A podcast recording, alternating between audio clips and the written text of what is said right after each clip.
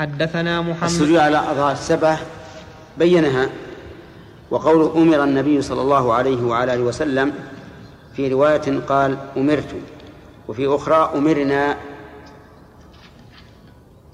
فأما على رواية أمرت أو أمرنا فهو مرفوع صريحا وأما على رواية أمر فهو مرفوع حكما. وقوله أن يسجد على سبع ونهي أن يكف شعره أو ثيابه يعني عند السجود. فلا ينبغي للإنسان إذا أراد أن يسجد أن يرفع ثوبه أو أن يكفه إن كان مفتوحا فيضمه بل يدعه يسجد حتى يكون محل سجوده في الأرض أكثر. وكذلك الشعر وكان النبي صلى الله عليه وعلى آله وسلم أحيانا يكون له شعر يضرب على الأرض فنهي أن يكفه بالعقص أو غيره. نعم. حد. وقول الكفين هذا بيان للسبعة. والركبتين هذه أربعة أعضاء. والقدمين هذه ستة. والجبهة هذه سبعة. لكن النبي صلى الله عليه وعلى آله وسلم أشار إلى الأنف. ليبين أن الأنف تابع للجبهة وليس عضوا مستقلا لأنه لو كان عضوا مستقلا لكانت الأعضاء كم؟ ثمانية. ولو كان لا يجب السجود عليه ما أشار إليه لأن إشارته إليه وهو لا يجب عليه السجود عبث لا فائدة منه. نعم. شيخ بارك الله فيكم. الدرجة الواردة في الحديث هل ما ما هي هذه الدرجة؟ وهل هناك فرق بينها وبين الله أعلم. ما ندري عنها. درجة فقط طيب. كذلك يعني شيخ كل ما ورد في الدرجات نعم. نقول به كذلك؟ اي نعم. نعم. الواحد عندما يقوم من الركوع يضم بعضهم إلى بعض ان يسجد. فهل نقول أن هذا لا ليس هذا منه لأن هذا شيء معتاد. يعني ما ضمه من أجل أن لا يسجد. إذا كان إذا كان ضمه من لأجل لا ينتشر دخل في هذا. يدخل في هذا. إلا إذا كان حوله من يصلي ويخشى أن يؤذيه بذلك فلا بأس. نعم. يعني ما ما مس أنفه الأرض فإن لا يصح لا يصح السجود. لابد أن يسجد على على الأنف. إن كان متعمدا عالما فصلاته باطلة. وإذا كان غير متعمد فإنه تبطل سجدته هذه ويأتي بها مرة ثانية صحيحة أو إذا قام ووصل إلى حدها يأتي بركعة تقوم مقامها. لا مع الإمام ما يمكن. نعم. طيب. حدثنا محمد بن بشار قال حدثنا محمد وهو ابن جعفر قال حدثنا شعبة عن عمرو بن دينار عن طاووس عن ابن عباس عن النبي صلى الله عليه وسلم أنه قال أمرت أن أسجد على سبعة أعظم ولا أكف ثوبا ولا شعرا.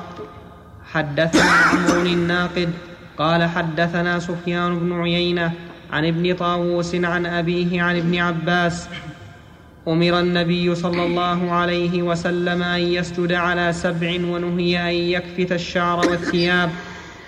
حدثنا محمد بن حاتم قال حدثنا بهز قال حدثنا وهيب قال حدثنا عبد الله بن طاووس عن طاووس عن ابن عباس أن رسول الله صلى الله عليه وسلم قال أمرت أن أسجد على سبعة أعظم. أمرت أن أسجد على سبعة أعظم الجبهة وأشار بيده على أنفه واليدين والرجلين وأطراف القدمين ولا نكفت الثياب والش ولا الشعر. حدثنا أبو الطاهر قال أخبرنا عبد الله بن وهب قال حدثني ابن جريج عن عبد الله بن طاووس عن أبيه عن عبد الله بن عباس أن رسول الله صلى الله عليه وسلم قال أمرت أن أسجد على سبع ولا أكفت الش... أمرت أن أسجد على سبع ولا أكفت الشعر ولا الثياب الجبهة والأنف واليدين والركبتين والقدمين. حدثنا قتيبة بن سعيد قال حدثنا بكر وهو ابن مضر عن ابن الهاد عن محمد بن إبراهيم عن عامر بن سعد عن العباس بن عبد المطلب أنه سمع رسول الله صلى الله عليه وسلم يقول إذا سجد العبد سجد معه سبعة أطراف وجهه وكفاه وركبتاه وقدماه. حدثنا عمرو بن, سوا بن سواد العامري. قال أخبرنا عبد هذا الحديث اللي قرأت مو عندي. ليس. نعم. أي حديث يا شيخ؟ حديث العباس؟ إي نعم. نعم. هذا حديث زائد في المطبوعة. إيش؟ زائد في المطبوعة. ولعله ساقط من المخطوط وش النووي وش يقول؟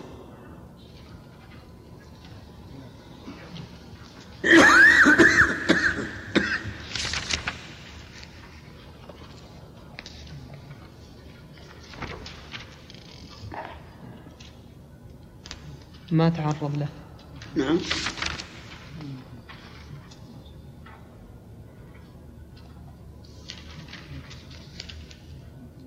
هذا حديث.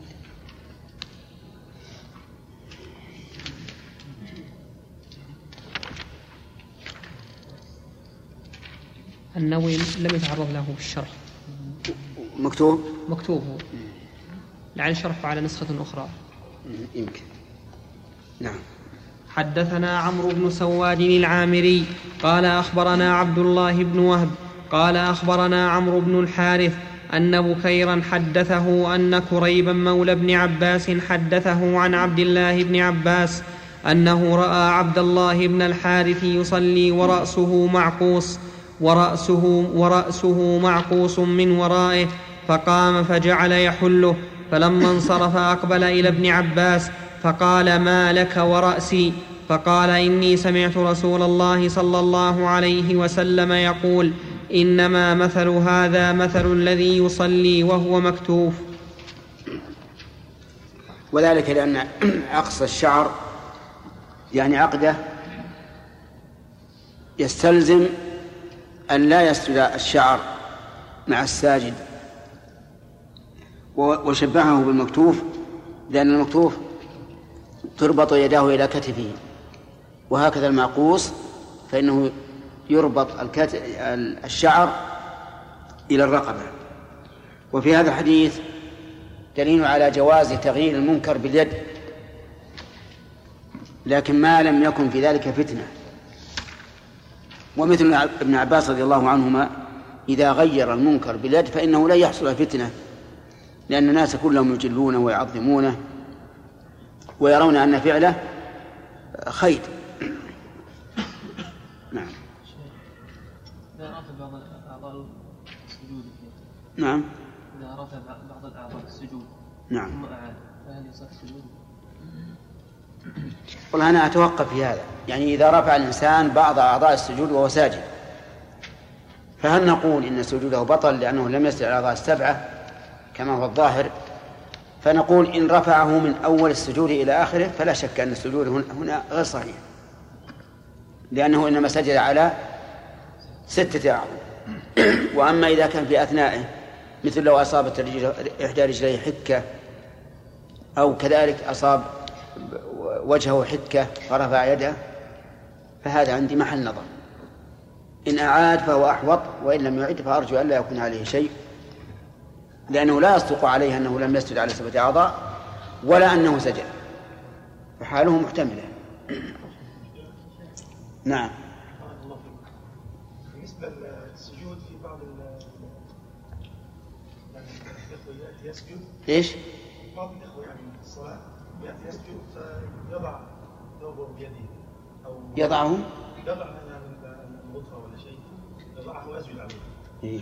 لا بأس لا بأس إذا كان لحاجة ليس بحاجة ما في بأس منفصلة ولا ولا ولا وهي عليه؟ لا عليه. لا إذا كانت عليه فإنه لا لا يفعل إلا لحاجة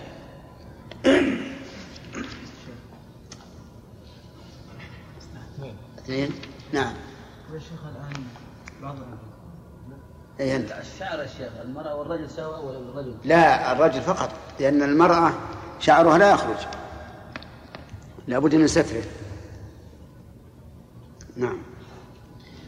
باب الاعتدال في السجود ووضع الكفين على الأرض ورفع المرفقين عن الجنبين ورفع البطن عن الفخذين في السجود.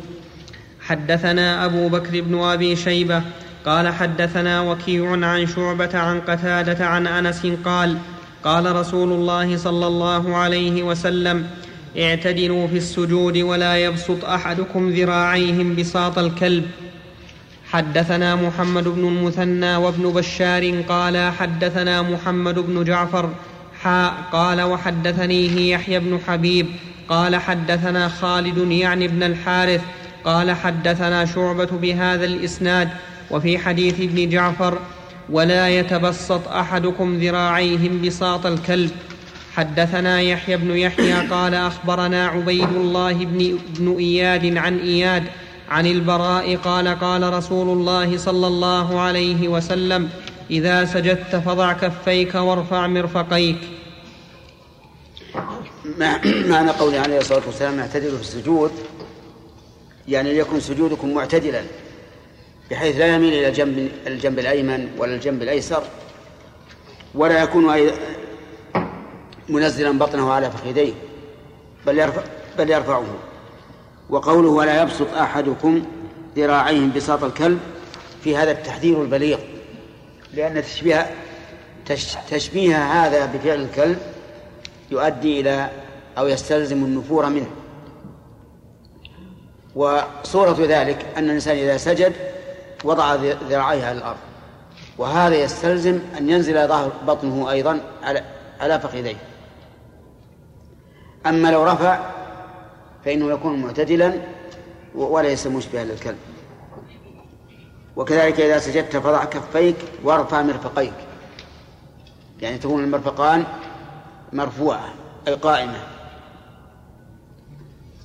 نعم. باب ما يجمع صفة الصلاة وما يفتتح به ويختم به وصفة, وصفة الركوع والاعتدال منه والسجود والاعتدال منه. والتشهد بعد كل ركعتين من الرباعية وصفة الجلوس بين السجدتين وفي التشهد الأول.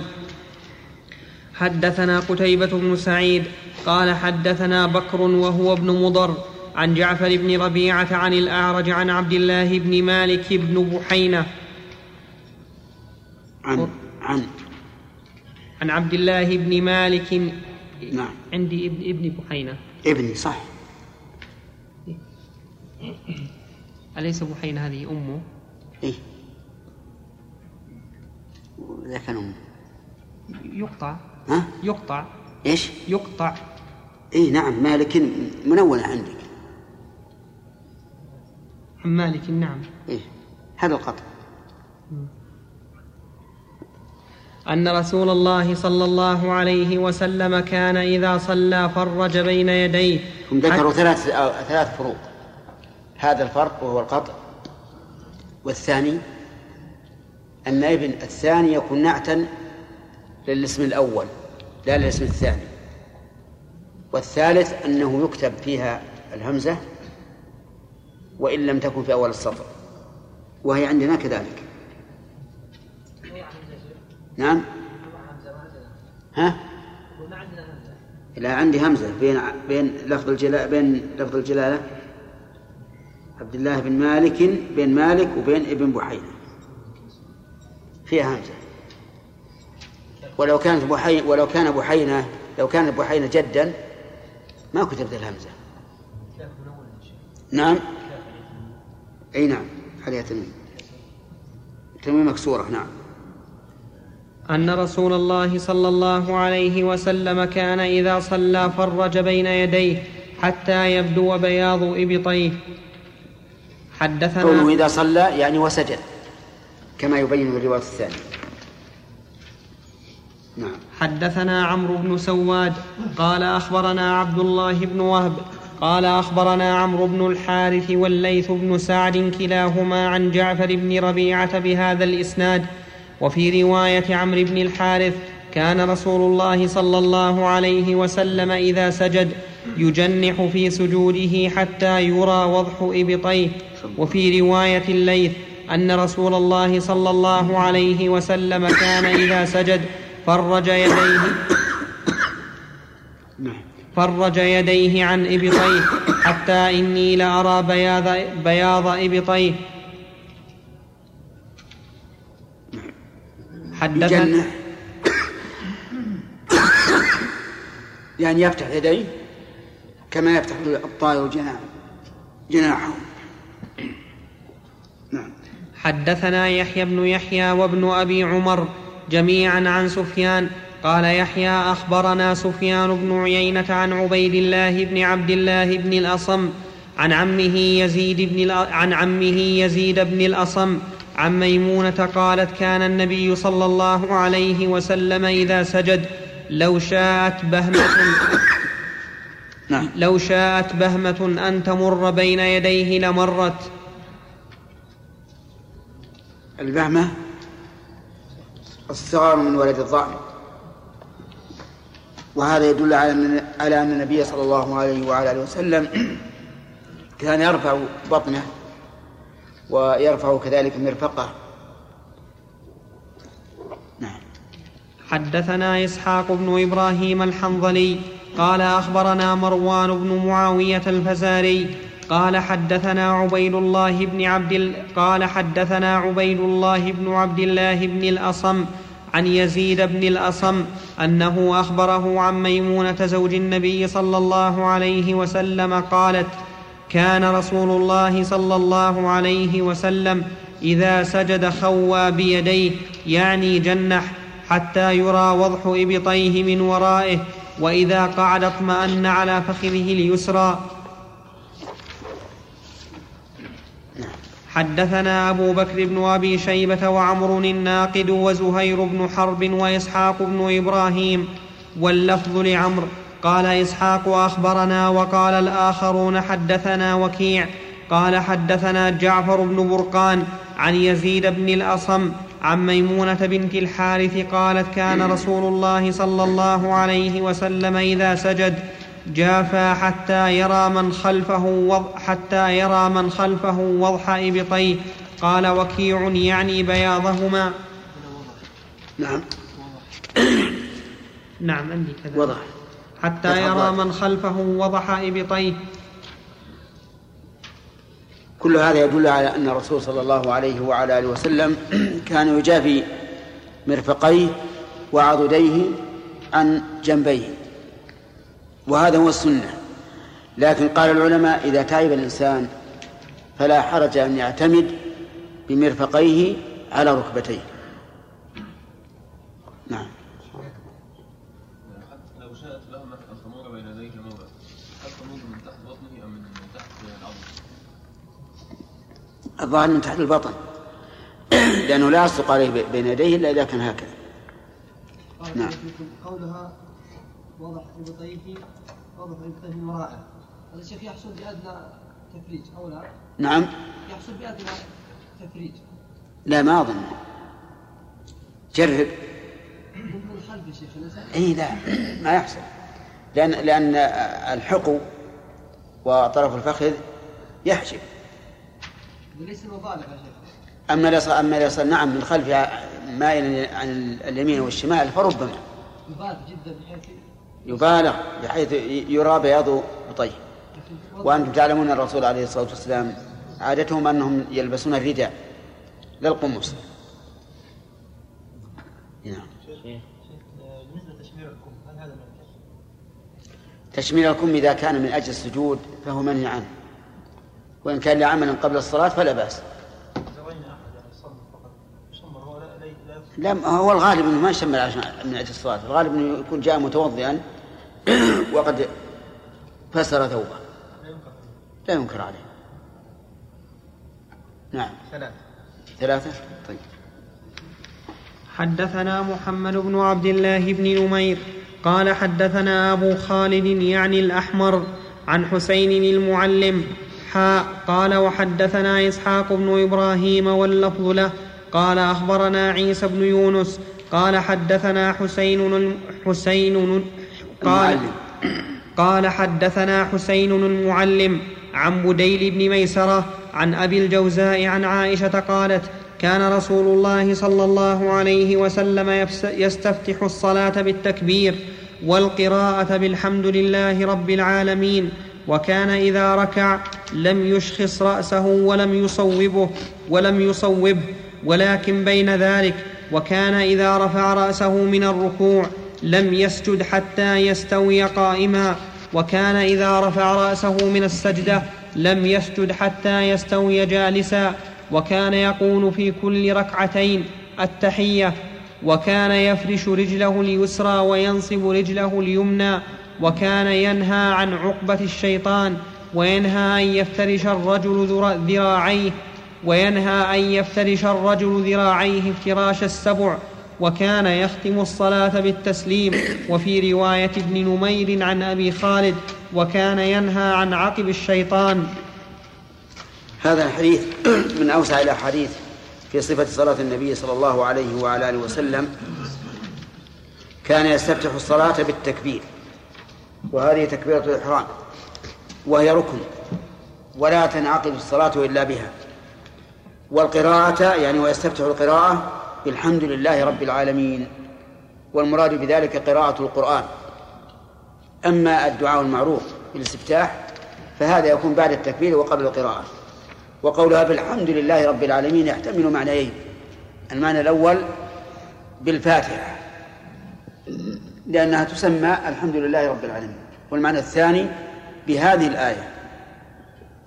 فعلى الأول لا إشكال. وعلى الثاني فيه إشكال وهو أنه إذا كان المراد بالحمد لله رب العالمين الآية فقد سقطت البسملة والبسملة سنة وكان النبي صلى الله عليه وسلم لا يدعها وعلى هذا فيترجح الاحتمال الأول أن المراد بالحمد لله رب العالمين أي بالفاتحة. ويستفاد منه أنه لو قرأ قرآنا قبل الفاتحة لكان مخالفا للسنة. لكن لو وقع ذلك سهوا فإنه يعذر. وهل يجب عليه سجود السهو الجواب لا. لا يجب. لأنه أتى بقول مشروع في الجملة في الصلاة. والقاعدة أن من أتى بقول مشروع في الجملة الله من أتى بقول مشروع فإنه يسن له أن يسجد للسهو ولا يجب.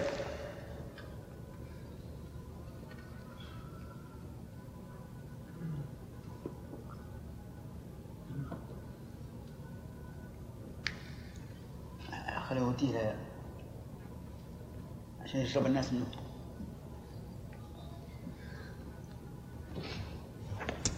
وكان صلى الله عليه وسلم إذا ركع لم يشخص رأسه ولم يصوبه ولكن بين ذلك. يشخص يعني يرفع يصوب يعني ينزل ولكن بين ذلك فيكون رأسه مساويا لظهره. و ففيه دليل على أنه ينبغي في حال الركوع أن يكون الرأس مساويا للظهر. وهكذا كان النبي عليه الصلاة والسلام لا يحني ظهره عند الركوع ولا ينزل رأسه عنه ولا يرفع رأسه عنه بل لو صب الماء على ظهره لاستقر من شدة من شدة تسويته له. وكان إذا رفع رأسه من الركوع لم يسجد حتى يستوي قائما. وقد جاء في حديث المسيء في صلاته حتى تطمئن قائما. والسنة أن يكون هذا القيام بقدر إيش؟ بقدر الركوع. كما دل على ذلك حديث سبق لعلكم تذكرونه. حديث البراء بن عازب. نعم. وكان إذا رفع نعم. وكان إذا رفع رأسه من السجدة لم يسجد حتى يستوي جالسا. يقال فيها مثل ما يقال في قوله حتى يستوي قائما. وكان يقول في كل ركعتين التحية. وهذا المشهور. كل الصلاة لا بد فيها بعد الركوع بعد الركعتين من تشهد. فإن كانت ثنائية انتهت بذلك وإن كانت ثلاثية أو رباعية أكملها بعد هذا. وكان يفرش رجله اليسرى وينصب اليمنى. يفرش يعني يجعلها كالفراش. فيعتمد عليها. وينصب اليمنى أي يجعل ظهور يجعل بطون أصابعها إلى الأرض وعقبها إلى السماء. في كل السجدات كما سيأتي بيانه إن شاء الله تعالى. وكان ينهى عن عقبة الشيطان أو عن عقب الشيطان. وعقبة الشيطان هو هي أن يجلس على عقبيه. لأن هذا هو هو العقبة. وليس هذا هو الإقعاء. فالإقعاء أن يجلس على أليتيه ناصبا ساقيه وفخذيه. أما العقبة فهي أن يسجد فهي أن يجلس على على عقبيه. وهذه الجلسة قيل إنها مكروهة وقيل إنها سنة لحديث ابن عباس الآتي في في الصحيح والذي يظهر أنها ليست بسنة.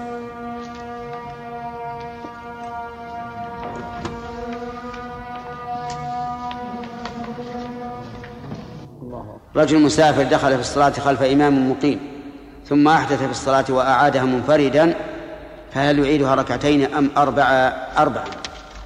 يعيدها أربعا لأنه لما شرع فيها لا مربعة لزمه قضاؤها مربعة.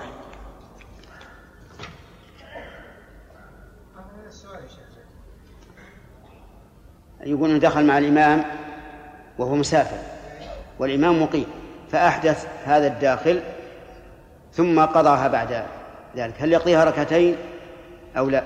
نقول يقضيها اربعا.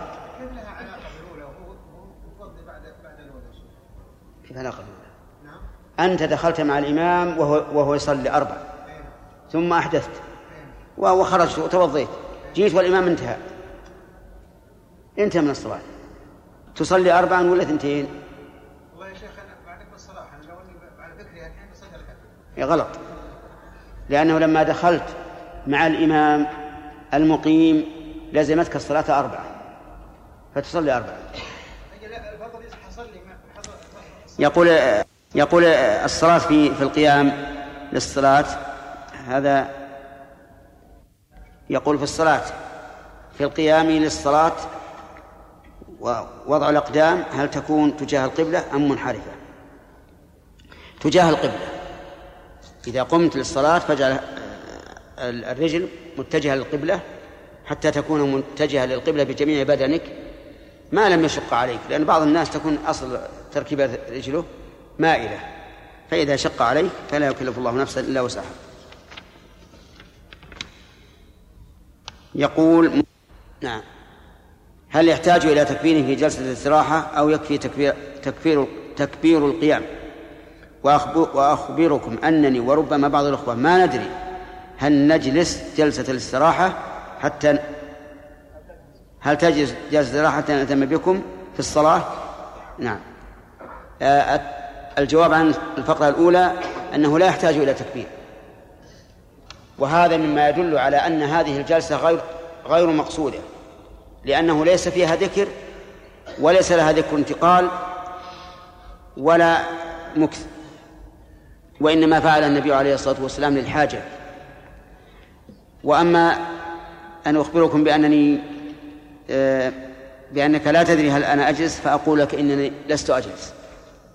لأن الحمد لله أستطيع أن أقوم ناهضا. لكن لو توجعني ركوبي جلست. نعم؟ إن شاء الله إن شاء الله. طيب. قلتم الدين في القرآن له معنيان الجزاء العمل في قوله تعالى وما كان لأخذ أخاه في دين الملك. ما المراد بلفظ دين الملك؟ أي عمله وشريعته التي يمشي عليها. أربعة ذولي خمسة. والعادة؟ خمسة.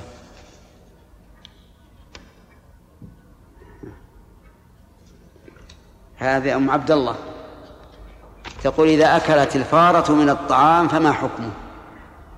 حكمه أنه حلال ولا بأس به. وكذلك لو شربت من اللبن أو الماء فإنه طاهر.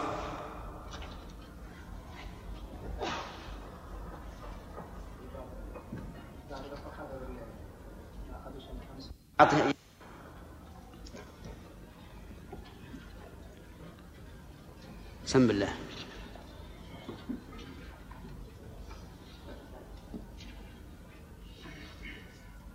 بسم الله الرحمن الرحيم. الحمد لله رب العالمين وصلى الله وسلم وبارك على عبده ورسوله نبينا محمد وعلى آله وصحبه أجمعين. باب سترة المصلي قال حديث عائشة كملناه ها؟ يعاد يعاد. أي عائشة؟ حديث عائشة قبل هذا قبل باب ستة آخر واحد. آخر حديث من الباب الستة آه نعم.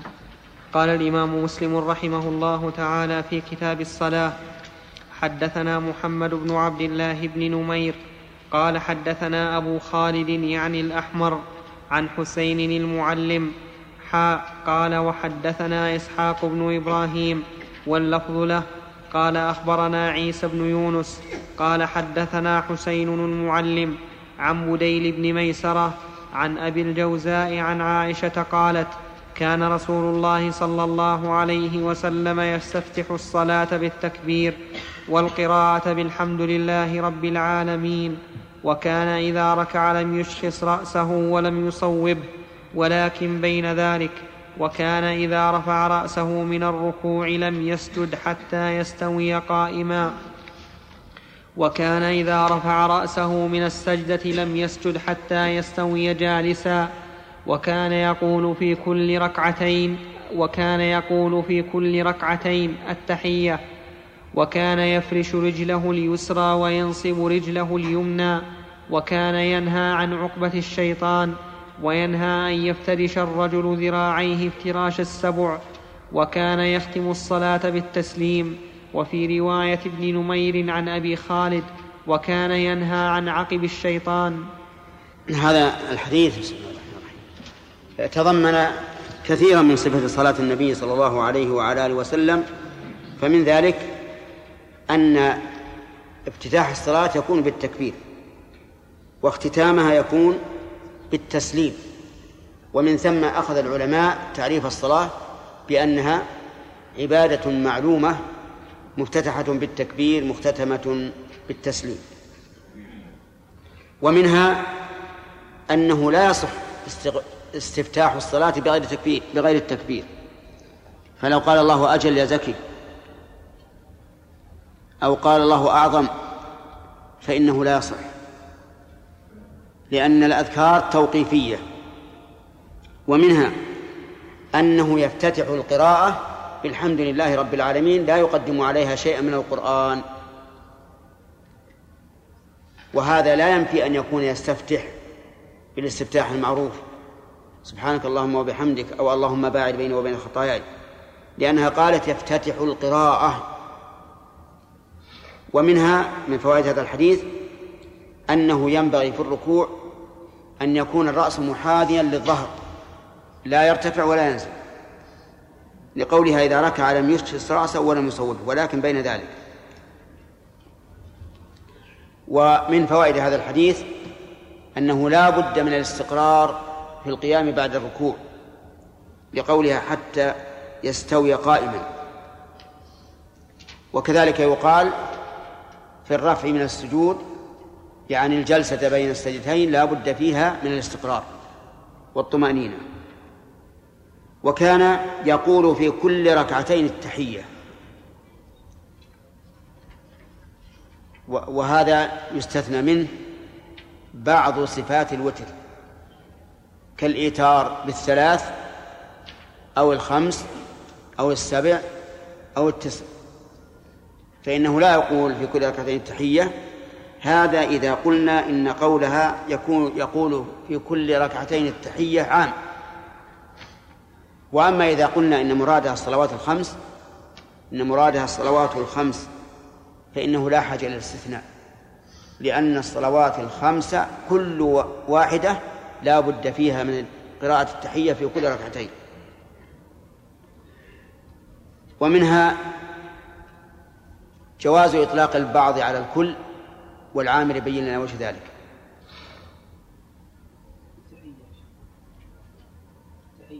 إيش التحية؟ اقرأ اللي قبله حتى نعرف وش.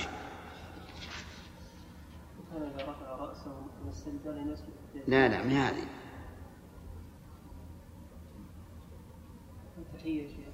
إيه وش- اقرأ اللي قبله. وكان يقول في فضل هذه.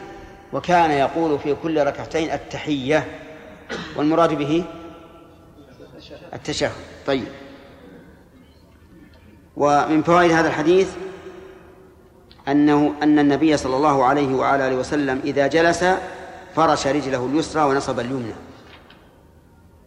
وظاهر الحديث العموم وبه أخذ بعض أهل العلم وقال ليس في جلسات الصلاة إلا هذه الصفة ما لم يصلي قاعدا فإنه يتربع في حال القيام. وعلى هذا فالصلاة الثلاثية جلساتها إيش؟ افتراش وكذلك الرباعية ولكن الصحيح أن الثلاثية والرباعية جلستها الأخيرة تكون توركا كما ثبت ذلك في حديث أبي حميد الساعدي رضي الله عنه وعلى هذا فيكون مستثنى من قولها وكان يفرش رجله اليسرى رجله اليمنى وينصب رجله اليسرى وينصب اليمنى. ومن فوائد هذا الحديث ال- النهي عن عقب الشيطان. وعقب الشيطان هو إما الإقعاء وهذا بعيد وإما الجلوس على العقبين. وجعل القدمين يمينا ويسارا. ويكون ويكون العقبان متلاصقين فيجلس عليهما. وأما الإيقاع الذي يكون على العقبين والقدمان منصوبتان ففيه خلاف بين العلماء. منهم من قال إنه من السنة بين السجدتين ومنهم من قال إنه ليس من السنة بل هو مكروه فالأول للشافعي والثاني للحن- للحنبلي. ومن فوائد هذا الحديث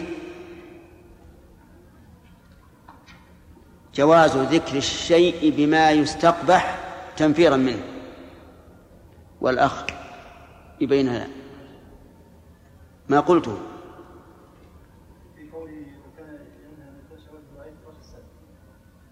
لا.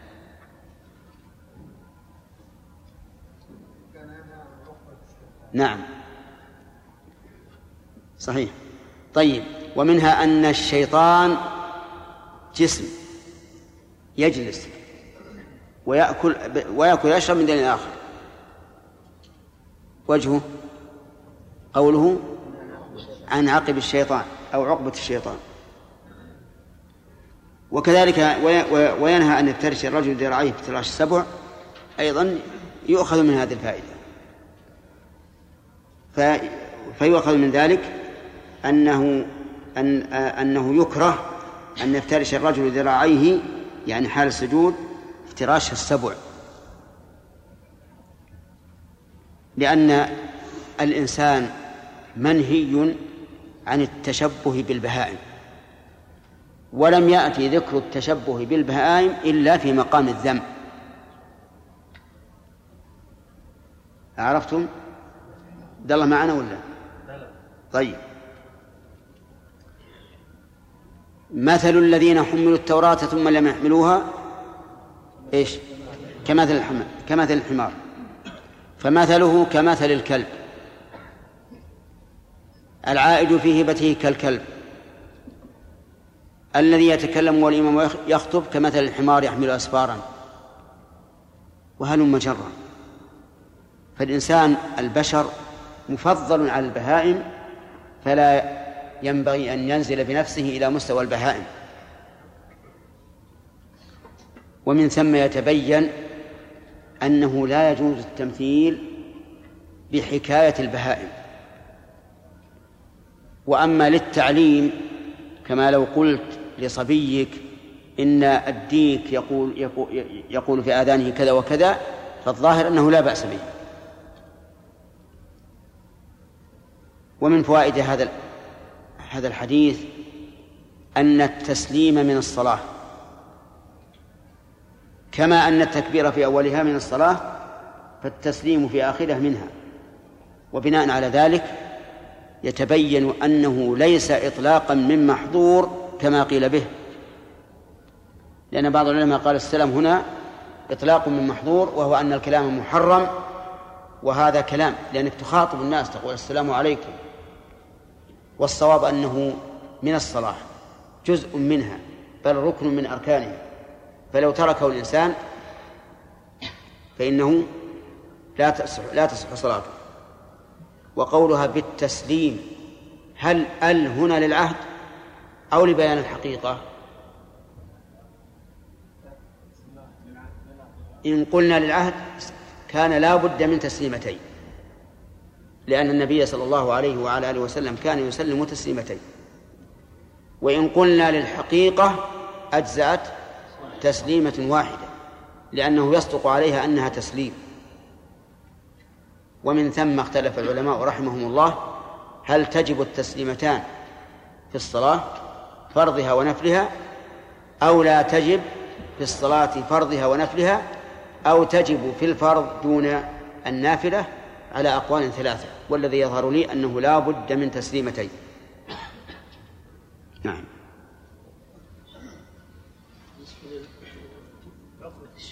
نعم.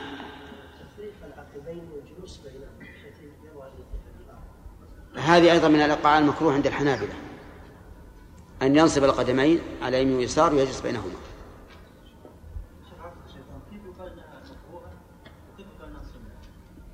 آه.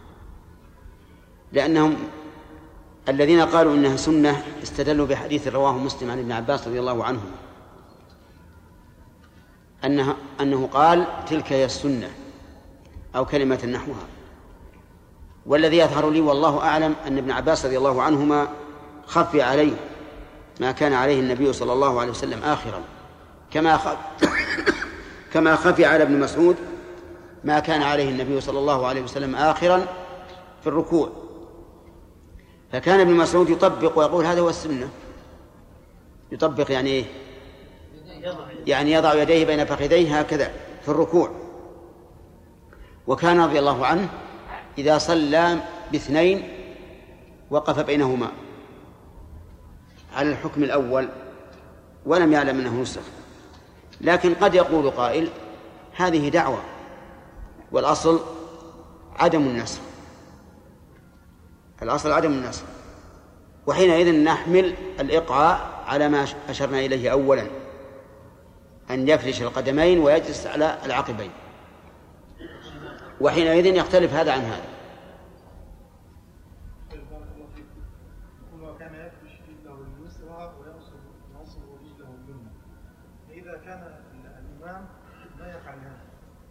وهو يستطيع وقد من قبل مرتين أو ثلاث ماذا يصنع؟ ماذا يصنع الإمام؟ نعم. تقول الإمام لا يفعل هذا ماذا يصنع؟ يصنع غير ذلك يعني وش إيش رحمة الشيطان التي قلت عليها. أي. أولا هذا السؤال يفتح علينا سؤال آخر. إذا كان الإمام لا يرى الافتراش في التشهد الأخير في ذات في ذات التشهدين ويرى التورك والمأموم يرى الافتراش أو بالعكس. فهل نقول للمأموم تابع إمامك فيما يرى؟ الجواب لا. لأن هذا لا يستلزم تأخر المأموم على الإمام ولا تقدمه عليه. ولهذا لو كان الإمام لا يرى رفع اليدين إلا في تكبيرة الإحرام والمأموم يرى أنه أنه يرفع يديه في تكبيرة الإحرام والركوع والرفع منه والقيام التشهد الأول نقول للمأموم ارفع يديه. أما جلسة الاستراحة فلا. إذا كان الإمام لا يجلس لا تجلس. لأن جلوسك يستلزم تأخرك ولو شيئا يسير عن, عن الإمام. وكذلك بالعكس إذا كان الإمام يجلس وأنت لا ترى الجلوس اجلس. لأنك لو قمت لسبقت الإمام. مشاكل اي نعم. إذا نصحته ولم ولم يمتثل؟ نعم. ثلاثة أخذنا ثلاثة يا عبيد. باب سترة المصلي. حدثنا يحيى بن يحيى وقتيبة بن سعيد وأبو بكر بن أبي شيبة. قال يحيى أخبرنا وقال الآخران حدثنا أبو الأحوص. حدثنا أبو الأحوص عن سماك عن موسى بن طلحة عن أبيه. قال قال رسول الله صلى الله عليه وسلم إذا وضع أحدكم بين يديه مثل مؤخرة, مثل مؤخرة الرحل فليصل ولا يبال من مر وراء ذلك. وحدثنا محمد بن عبد الله بن نمير وإسحاق بن إبراهيم.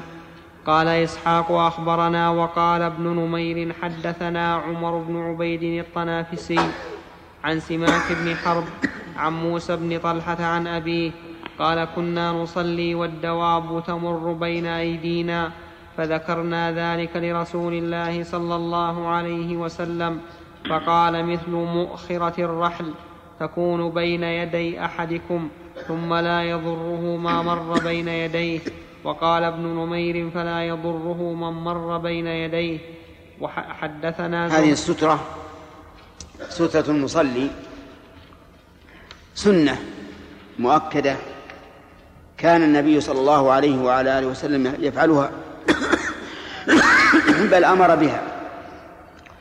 ومن فوائدها ما ذكره في هذا الحديث أن الإنسان إذا وضعها بين يديه فإنه لا يبالي من مر وراء ذلك ولا يضره. ولكن هذا الحديث فيه أنها مثل مؤخرة الرحل أو مؤخرة الرحل وهي عبارة عن خشبة توضع على الرحل رحل البعيد حتى يستند إليها الراكب. في نحو ثلثي ذراع فإذا وضعها الإنسان بين يديه فإنه لا يضره من مر وراءها أيا كان. ولكن قد ورد حديث عن النبي عليه الصلاة والسلام أن من لم من لم يجد فليخط خطا. وورد عنه أنه قال استتر ولو بسهم. والسهم شيء يسير. فما ذكر هنا يراد به الكمال. يراد به الكمال وما ذكر هناك يراد به المجزئ. واختلف العلماء رحمهم الله في السترة هل هي واجبة أو سنة. والصواب أنها سنة وليست بواجبة. وسيمر بنا من الأحاديث ما يدل على ذلك. وهذه الأحاديث التي دلت على أنها ليست بواجبة هي التي أخرجت الأمر عن الوجوب إلى إلى الاستحباب والسنة. وعلم من هذا الحديث أن المار بين يدي بين يدي المصلي يضر يضر المصلي إذا لم يكن سترة. لكن ما نوع الضرر؟ أيبطل صلاته أم ينقص صلاته؟ يقال في ذلك تفصيل. إن كان من الثلاثة التي تقطع الصلاة فإنه يضر الصلاة بالإفساد. وإن لم يكن كذلك فهو يضرها بماذا؟ بالنقص. نعم. سليم رقبة الشيطان مجهولة وفعل وصف السبع مفهوم ما ما فهمنا رقبة الشيطان ذكرناها قبل قليل.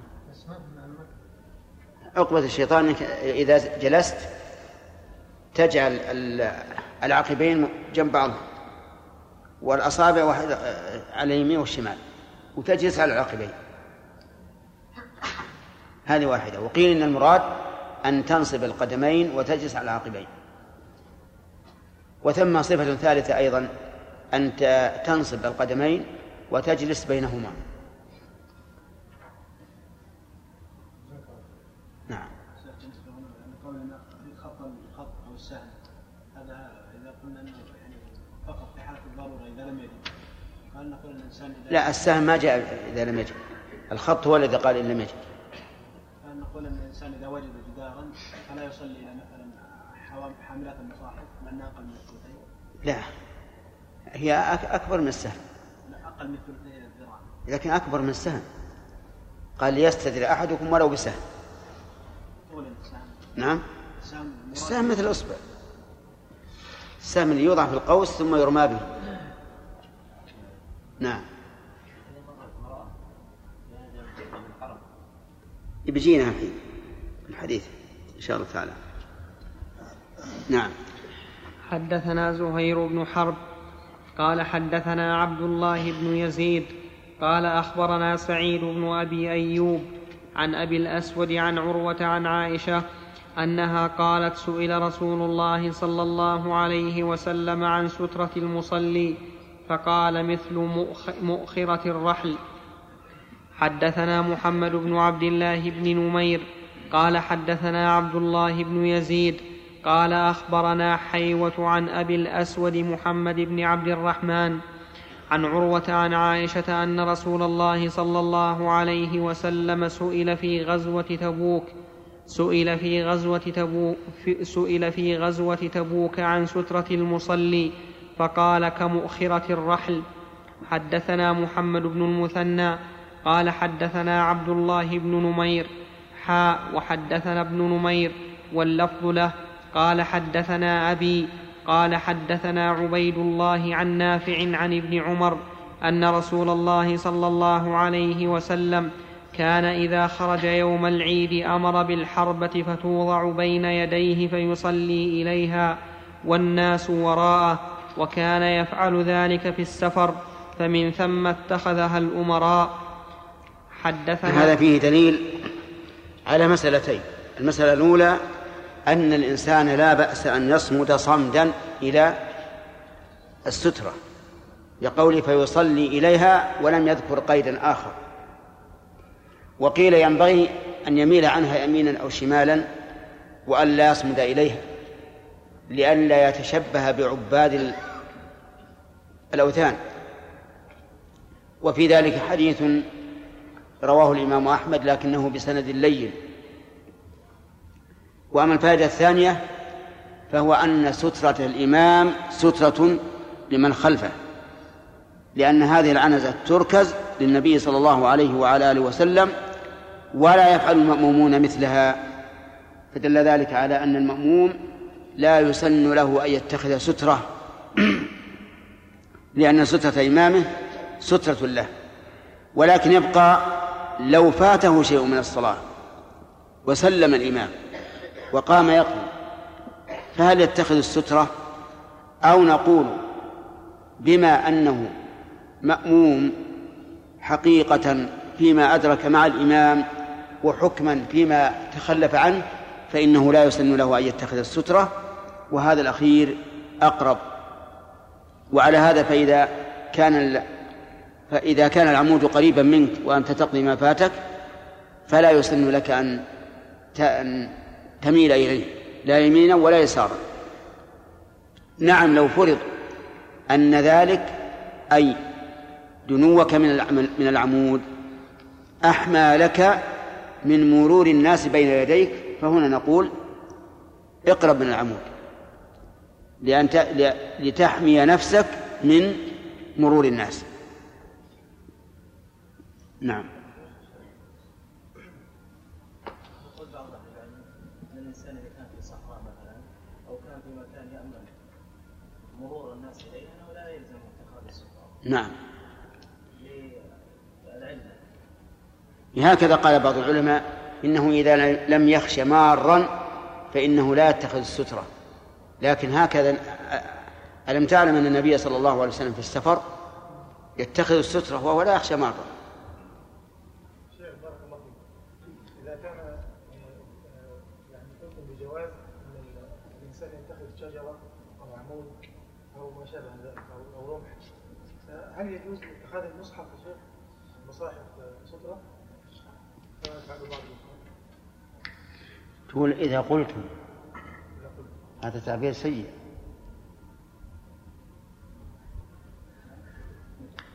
ما هو طيب؟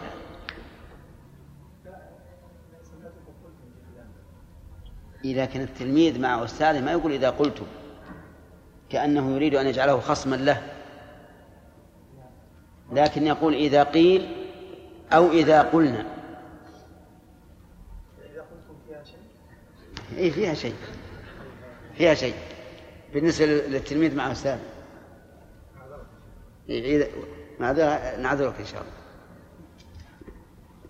طيب. ونؤجل الجواب. نعم.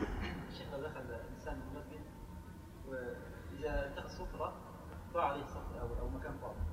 أي مقدم الظاهر أنه يقدم الصف الأول. لقول النبي صلى الله عليه وعلى آله وسلم ثم لم يجدوا إلا أن يستهموا عليه. استهموا في أي في أي الصلاة؟ لعلها بع- بعد بعد الفريضة الموضع الذي يملك يملك المسلي اذا لم يكن بين إيش؟ المقدار الذي إذا مر المار بين يدي المسلي ياثم عليه إذا لم آه. إذا لم يكن سترة فقيل إنه بقدر ثلاثة أذرع من قدميه وقيل إنه بقدر ما موضع سجوده وذلك لأن المصلي لا يملك من أو لا يستحق إلا ما يحتاج إليه في صلاته وأبعده محل سجوده وهذا هو الأصح. أما لو كان له فراش معين كالسجادة مثلا فإن من مر من ورائها لا يضر. نعم. إيش؟ يترتب على السجود إلى إلى القدم. نعم.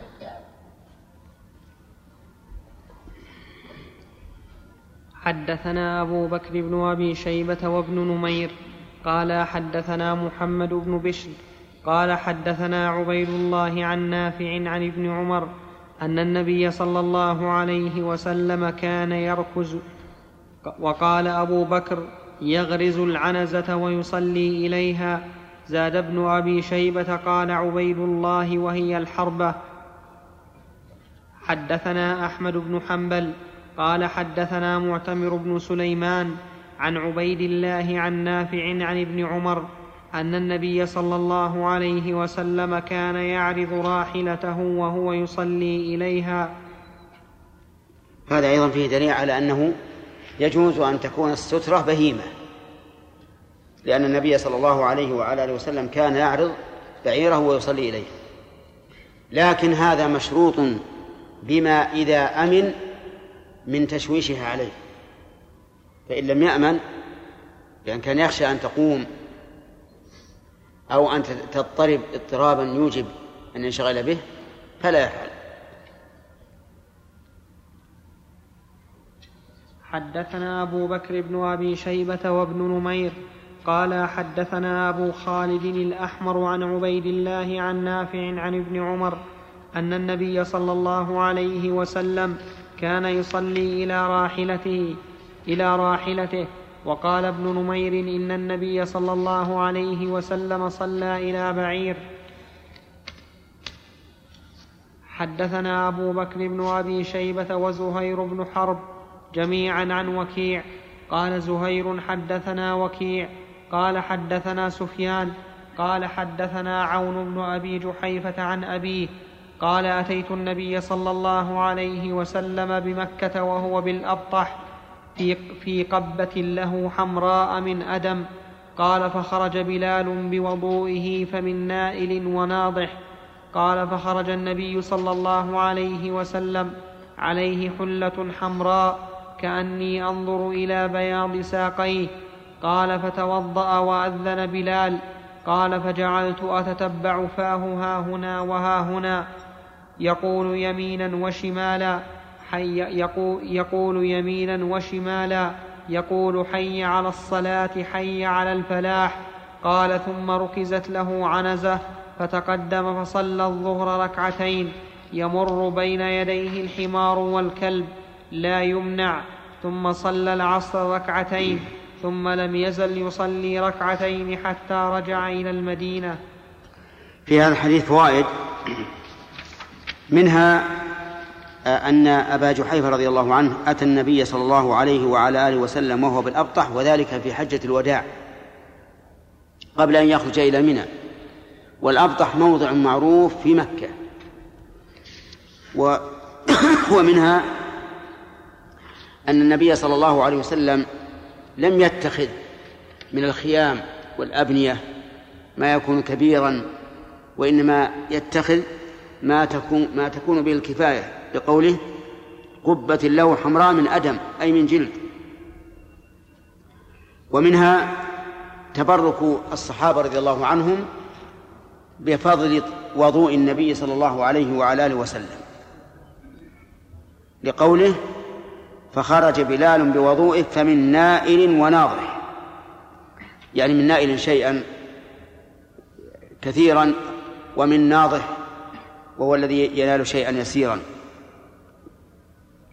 ومن فوائدها من فوائد الحديث جواز لباس الأحمر بقوله عليه حلة حمراء كأني أنظر إلى بياض الساقين. ولكن يشكل على هذا أن النبي صلى الله عليه وعلى آله وسلم نهى عن لباس الأحمر. فقال ابن القيم إن معنى الحلة الحمراء هنا أي التي ملونة بالأحمر. كما تقول مثلا شماغا أحمر وغترة بيضاء وما أشبه ذلك. وبهذا تجتمع الأدلة وهو جمع حسن. ومن فوائد هذا الحديث جواز تشمير الثوب لقولك كأني أنظر إلى بياض ساقيه. و ولكن قد يقول قائل ألا يمكن أن يكون الثوب هنا قصيرا؟ فالجواب بلى وحينئذ تضيع هذه الفائدة. لكن قد ورد في نفس الحديث أنه كان مشمرا عن ساقيه. وهذا يدل على أن أصل الثوب كان طويلا وأنه إذا شمر ثوبه لعمل قبل صلاته فإنه لا بأس أن يبقى الثوب مشمرا. ومن فوائد هذا الحديث أن الساقين ليسا من العورة. وجهه؟ لقولك كأني أنظر إلى بياض ساقيه ومن طيب.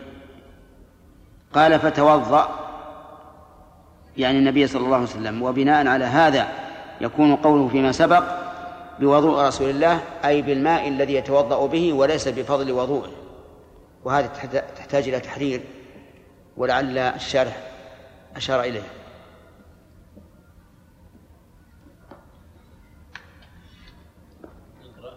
نعم.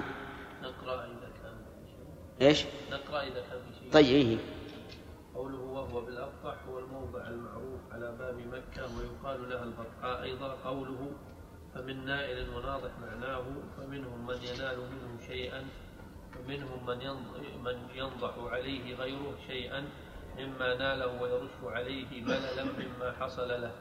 وهو معنى ما جاء في الحديث الآخر فمن لم يصب أخذ من يد صاحب. قوله فخرج بلال بوضوء بوضوء بوضوء. بوضوء فمن نائل وناضح فخرج النبي صلى الله عليه وسلم فتوضأ. فيه تقديم وتأخير. تقديره فتوضأ. فمن نائل بعد ذلك وناضح تبركا بآثاره صلى الله عليه وسلم. وقد جاء مبينا في الحديث الآخر. فرأيت الناس يأخذون من فضل وضوئه ففيه التبرك بآثار الصالحين. واستعمال فضول فضل طهورهم وطعامهم وشرابهم ولباسهم. نعم. إذا صار قوله قال فتوضأ يعني قبل أن ينضح الناس وينالون. وأما قول الشارح ففيه التبرك بآثار الصالحين فهذا ليس بصحيح. لأن هذا من خصائص النبي صلى الله عليه وعلى آله وسلم. ويدل لهذا أن الصحابة رضي الله عنهم ما كانوا يفعلون هذا فيما بينهم. مع أن فيهم الصالحين فيهم الكبراء الفقهاء ولم يكونوا يفعلون. طيب. ومن فوائد هذا الحديث مشروعية الأذان في السفر. لقوله أذن بلال. أذن بلال. وهل الأذان في السفر فرض كالحضر أم سنة؟ الصواب أنه, ما أنه فرض. لقول النبي صلى الله عليه وعلى آله وسلم إذا حضرت الصلاة يقول لمالك بن حويرث ومن معه فليؤذن لكم أحدكم والأمر للوجوب. ومن فوائد هذا الحديث أنه يسن أن يلتفت عند حي على الصلاة حي على الفلاح يمينا وشمالا. ولكن كيف ذلك؟ هل يقول حي على الصلاة الثنتين على اليمين؟ حي على الفلاح الثنتين على اليمين؟ أو نعم على الشمال؟ أو يقول حي على الصلاة يمينا حي على الفلاح شمالا؟ أو يقول حي على الصلاة يمينا حي على الصلاة شمالا؟ وحي على الفلاح يمينا وحي على الفلاح شمالا؟ في هذا قولان للعلماء. وأكثر أهل العلم على الأول. أي أن حي على الصلاة اليمين وحي على الفلاح لليسار. ومن فوائد الحديث استحباب ركز العنزة والصلاة إليها. لقوله ثم ركزت له عنزة. ومن فوائد الحديث آه، أن المسافر يقصر ولو أقام يعني ولو لم يجد به السير بقوله فصلى الظهر ركعتين.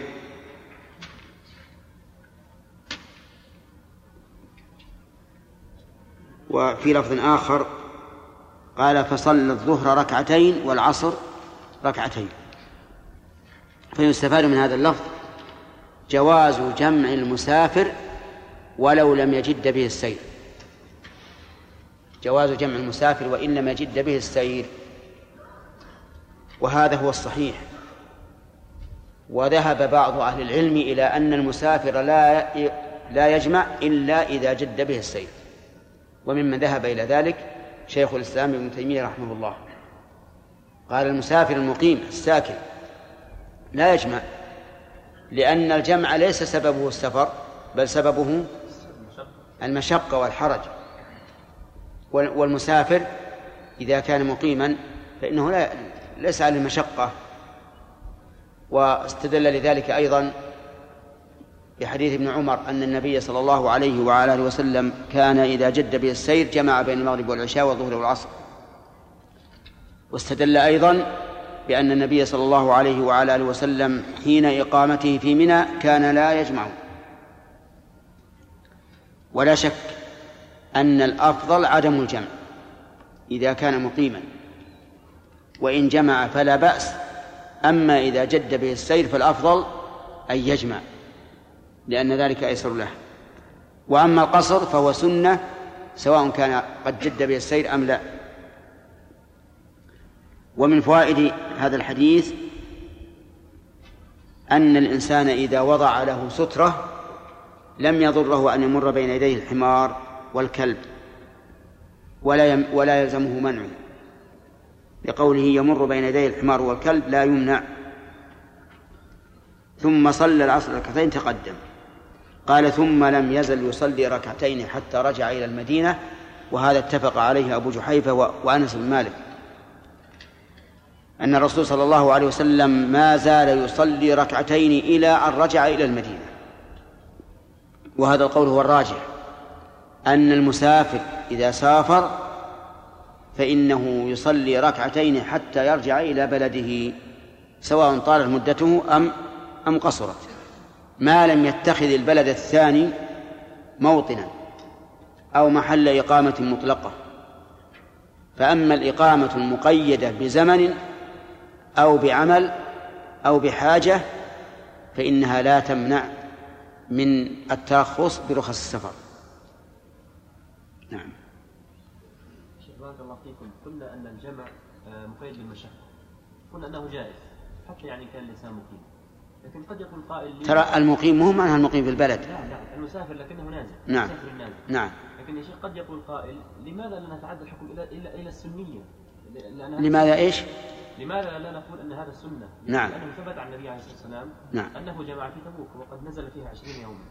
ج- نعم لا نقول إنه سنة لأن جمعه هنا في احتمال أنه كان شق عليه فجمع لدفع المشقة وما دام الاحتمال قائما فإن لا, لا, لا نلزم بهذا نعم ما مدى صحة القول بأن السنة واجبة والحديث تدل على أن الرسول لم يفعل لم يتركها أبدا وكذلك أيضا أمر بها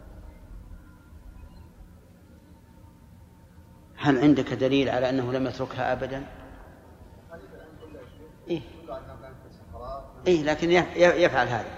يعني في الغالب أو معظم أنه كان اذا ما دام في الغالب فغير الغالب يدل على عدم الوجوب نعم. الأخ. إيش؟ اي نعم. اي سؤال مهم. يعني الآن ال- المؤذن يؤذن بمكبر الصوت. فهل يلتفت يمينا وشمالا؟ الجواب لا. لأنه لا داعي لذلك وربما لو التفت يمينا وشمالا ربما أخل بالصوت إذا لم يكن مقابلا له. لكن يترتب على هذا سؤال آخر. هل يجعل أصبعيه في أذنيه؟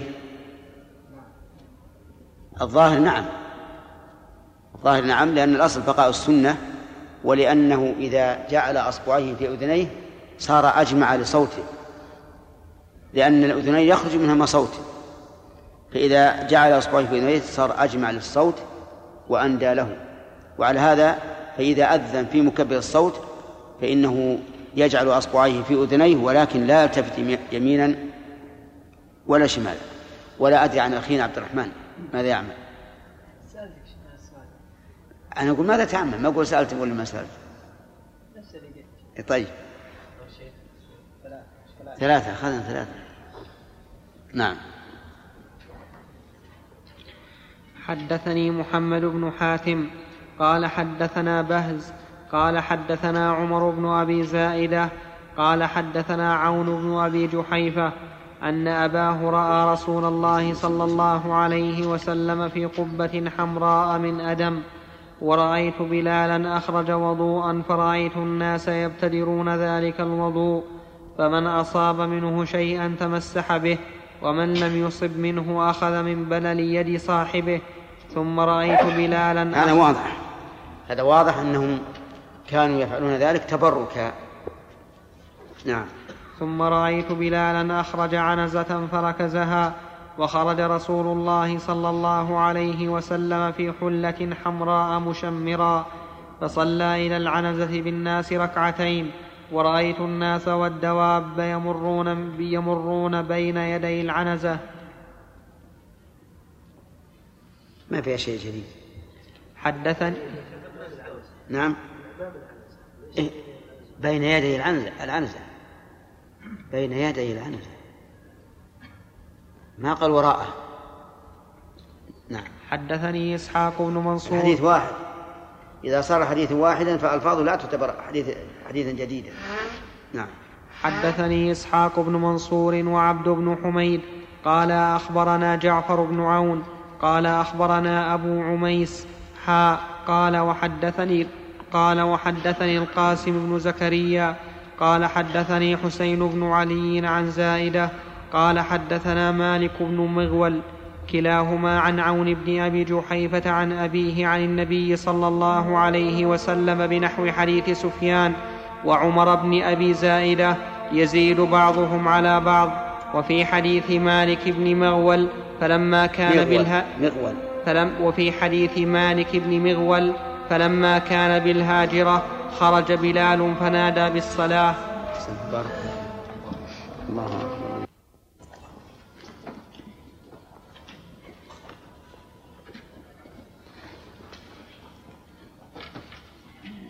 بسم الله. بسم الله الرحمن الرحيم. الحمد لله رب العالمين. وصلى الله وسلم وبارك على عبده. ورسوله نبينا محمد وعلى آله وصحبه أجمعين. قال الإمام مسلم رحمه الله تعالى في كتاب الصلاة حدثنا محمد بن المثنى ومحمد بن بشار. قال ابن المثنى حدثنا محمد بن جعفر. قال حدثنا شعبة عن الحكم. قال سمعت أبا جحيفة قال خرج رسول الله صلى الله عليه وسلم بالهاجرة إلى البطحاء فتوضأ فصلى الظهر ركعتين ركعتين والعصر ركعتين وبين يديه عنزة. قال شعبة وزاد فيه عون عن أبيه أبي جحيفة وكان يمر من ورائها المرأة والحمار. وحدثني زهير بن حرب ومحمد بن حاتم قال حدثنا ابن مهدي قال حدثنا شعبة بالإسنادين جميعا بالإسنادين جميعا مثله وزاد, وزاد في حديث الحكم فجعل الناس يأخذون من فضل وضوئه.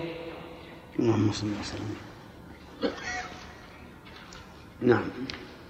سبق الكلام على هذا. حدثنا يحيى بن يحيى قال قرأت على مالك عن ابن شهاب عن عبيد الله بن عبد الله عن ابن عباس قال أقبلت راكبا على أتان وأنا يومئذ قد ناهزت الاحتلام ورسول الله صلى الله عليه وسلم يصلي بالناس بمنى فمررت بين يدي الصف فنزلت فأرسلت الأتان فنزلت فأرسلت الاثان ترتع ودخلت في الصف فلم ينكر ذلك علي أحد. حدثنا نعم حديث ابن عباس رضي الله عنهما ظاهره يدل على أن الحمار لا يقطع الصلاة لأنه أرسل أرسله يرتع فمر بين يدي الصف.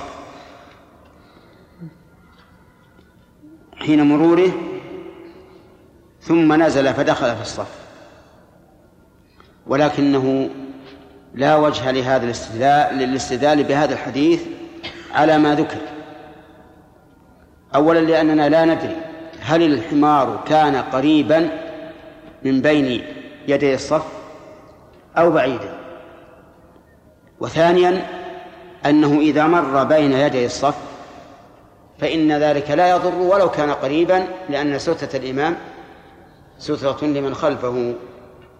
فلا دلالة فلا دلالة به على ما ذكر. أي على أن الحمار لا يقطع الصلاة. نعم. حدثنا نعم. حرب شيخ قوله هنا في الحديث السابق عندما قال الدواب والماء رايت الناس والدواب يمرون بين يدي بين يدي نعم هل يقوي قول من قال أن الستره تكون ثلاث يعني يكون المصلي ثلاث اذرع لا مفهومه أنه إذا لم يكن موجود العنزه ومر بين يديها ولم تكن موجودة لا ضر ما ندري ما ندري ما هي المسافة بين قدمي الرسول صلى الله عليه وعلى آله وسلم وبين هذه التي تمر. دل الله. يعني ذكر في الحديث أن الناس يمرون بين يديه. نعم. سؤالي سؤالي مثلا هل هؤلاء هؤلاء الناس الذين يمرون كأن الظاهر ان منهم ذكور هل الصلاة ليست واجبة عليهم؟ أو كيف يعني؟ هذا بارك الله فيك. دائما يكون الناس بعضهم يتوضأ ثم يأتي وقد دخل الإمام في الصلاة فيمرون من بين يديه. ولكن السؤال هل إذا أمكن أن أمر من وراء الصفوف هل أمر بين يدي المصلين أو الأفضل العدول عن ذلك؟ الأفضل العدول عن ذلك. لأن لا يشوش عليه. لأن بعض الناس لو يرى أدنى شيء التفت إليه. نعم. شيخ بارك الله فيكم استغنى قول ابن عمر رضي الله عنه فمررت بين يدي بعد الصف؟ لأنها ممكن يكون بعيد أو ابن عباس. ابن عباس اي نعم. ممكن أن يكون المرور بعيدا. نعم. وأن يكون سترة الإمام سترة للمأمون. نعم. لكن يا شيخ الا ألا يعني يشكل على هذا قوله في آخر الحديث؟ قوله إيه؟ قوله في آخر الاثر نعم. فلا ينكر ذلك علي أحد؟ نعم. فقول ابن عباس رضي الله عنه يعني ذكر هذا. نعم. هذا الإنكار. نعم. فيدل على أنه قد يوجد ما ينكر. صحيح. وهو كذلك. ومما ينكر أن أن تجعل الحمار بين يدي المصلين لأنه يشوش عليهم. وربما ينطلق عليهم وربما يبول أمامهم. نعم. حدثنا حرملة بن يحيى قال أخبرنا ابن وهب قال أخبرني يونس عن ابن شهاب قال أخبرني عبيد الله بن عبد, بن عبد الله بن عتبة أن عبد الله بن عباس أخبره أنه أقبل يسير على حمار ورسول الله صلى الله عليه وسلم قائم يصلي بمنى. في حجة الوداع يصلي بالناس. قال فسار الحمار بين يدي بعض الصف ثم نزل عنه فصف مع الناس. حدثنا يحيى بن يحيى وعمر الناقد وإسحاق بن إبراهيم عن ابن عيينة عن الزهري بهذا الإسناد. قال والنبي صلى الله عليه وسلم يصلي بعرفة. حدثنا إسحاق بن إبراهيم وعبد بن حميد قال أخبرنا عبد الرزاق قال أخبرنا معمر عن الزهري بهذا الإسناد ولم يذكر فيه منا ولا عرفة وقال في حجة الوداع أو يوم الفتح. لكن كل هذه الرواية بعرفة شاذة لا شك فيها والصواب أنه بمنى. ورواية يوم في حجة الوداع أو يوم الفتح تدل على عدم ضبط الراوي والصواب أنه في حجة الوداع وأنه في منى وأنه يصلي إلى غير جدار كما في رواية أخرى في صحيح البخاري يصلي إلى غير جدار وهذا هو محل الشاهد. لكن الغالب أن النبي صلى الله عليه وعلى وعلى آله وسلم في أسفاره يصلي إلى العنزة. فلا يقال إن الرسول صلى الله عليه وعلى آله وسلم صلى إلى غير سترة لقوله إلى غير جدار. لأنه إنما نفى وجود الجدار فقط وهذا لا يستلزم نفي غيره. فالذي يظهر أن النبي صلى الله عليه وعلى آله وسلم كان يصلي إلى سترة. ومن العلماء من قال إن ابن عباس رضي الله عنهما أراد بنفي الجدار نفي الست نفي السترة لكنه ليس بذاك القول. نعم. سليم.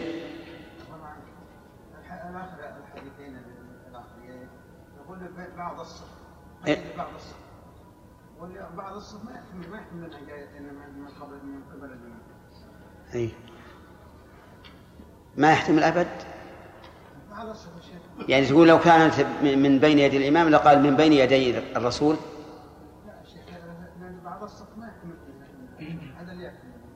لكن طيب هو يمكن الإمكان. يمكن يمر من بين يدي بعض الصف وتنحرف الأتان. نعم. نعم. امكن من بعض الصف هذه. يعني تقول لو كان مارا بين يدي الرسول لقاله. نعم. وهذا هو الظاهر لم يمر بين يدي الرسول إنما مر بين يدي بعض الصف وسترة الإمام سترة لمن خلفه فلا يكون فيه دليل على أن الحمار لا يقطع الصلاة. نعم. يا شيخ إذا وضع الستره هل يمنع؟ شرافي. ما مقدار الدابه التي تمنع من المرور. يا شيخ الشاه أو الدواجن. أو ما اشبه ذلك يعني أصغر قدر. يتحاشى الإنسان مرور بين مرور بين يديه. هو ما ذكرناه أمس؟ ذكرناه. قلنا إذا كان له سترة فإلى سترته. إن لم يكن له سترة فمقدار محل سجوده. الشيخ بارك الله فيك. مثلا قط أو ما أشبه ذلك أراد أن يمر هل الإنسان يمنعه؟ لا لا لا لا قصد أنا ما ظنيت أنك تريد هذا. يعني معناه أن هل يمنع بقية البهائم الدواب؟ نعم يمنعها لئلا لئلا تشوش عليه. لكنها لو مرت فإنها لا تقطع. ولا تضر؟ ما تضر. يعني بنقص الصلاة ما تضر لكنه يمنعها. نعم. طيب.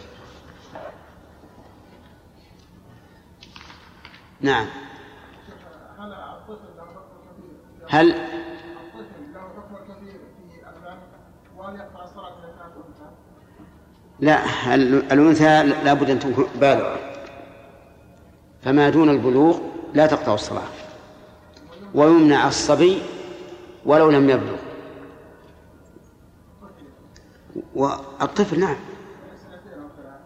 ولو سنتين وثلاث لأنه لا ينبغي أن تمكن أحدا يحول بينك وبين قبلتك. نعم. باب منع المار بين يدي المصلي. حدثنا يحيى بن يحيى قال قرأت على مالك عن زيد بن أسلم عن عبد الرحمن بن أبي سعيد عن أبي سعيد الخدري أن رسول الله صلى الله عليه وسلم قال إذا كان أحدكم يصلي فلا يدع أحدا يمر بين يديه وليدرأه ما استطاع فإن أبى فليقاتله فإنما هو شيطان. نعم. قوله فلا يدع ظاهره تحريم ذلك أي تحريم تركه يمر. ويدل لهذا أن النبي صلى الله عليه وعلى آله وسلم قال ليدرأه ما استطاع. وإن أبى فليقاتله لكنه لم يقل فليقتله ولكن يقاتله يعني يدافعه بضرب ونحوه إلا أن العلماء رحمهم الله قيدوا ذلك بما إذا لم يخش فساد الصلاة بكثرة الحركة. فإن خشي فساد الصلاة بكثرة الحركة فلا يقاتل لأنه إنما أمر بدفعه لئلا ينقص إيش؟ الصلاة.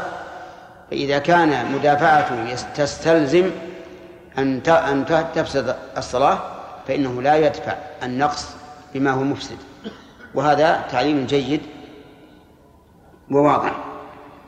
وفي قوله وقوله فإنما هو شيطان. المراد أنه شيطان من الإنس. فإن من الإنس شياطين كما قال تعالى. شياطين الإنس والجن. يوحي بعضهم إلى بعض زخرف القول غرورا. لكن هنا فيه رواية أخرى فإن معه القرين. وهذا يدل على أن الشيطان هو الذي أمره بذلك. ولا ولا منافاة بين الحديثين لأن الشيطان إذا أمره بذلك فاستجاب له صار صار شيطانا أي نعم. طيب وقوله يمر بين يديه. ما المراد بما بين يديه؟ قيل ما كان بينه وبين موضع قدميه ثلاثة أذرع. وقيل ما بينه وبين موضع ما بين قدميه وموضع سجوده وهذا هو الصحيح إلا أن يكون له فراش يصلي عليه فإلى حد فراشه. إذا إذا كانت تمر امرأة سيضطر إلى مدافعتها بأن على شيء الجسم ويصلي هل لا يضر لا يضر. لو يده صدر لو على صدرها أو على أي شيء. إلا إذا كان رجلا يخشى على نفسه من فساد صلاته إذا مسها فهنا لا يفعل. يتنحنح يتنحنح. لعل الله يهدينا نعم. السؤال السؤال عن درس أمس يكون يوم أمس. نعم. نعم فعل ما له فعل اذا فعل فتجد انه هل عليه ضمان؟ ليس عليه ضمان. لأن لدينا قاعدة يا فهد وهي كل ما ترتب على المأذون فليس فليس بمضمون. هذه قاعدة مفيدة. كل شيء يترتب على المأذون فإنه ليس بمضمون. لا إذا طعنه في كبده أو شيء مقتل هذا أراد قتله. نعم. ها ورد عن بعض العلماء انه قال اذا فعل حتى بالسيف ما الحديث لا يدل على هذا. الحديث يدل على أن المراد القاتل المقاتل يعني مدافع بقوة؟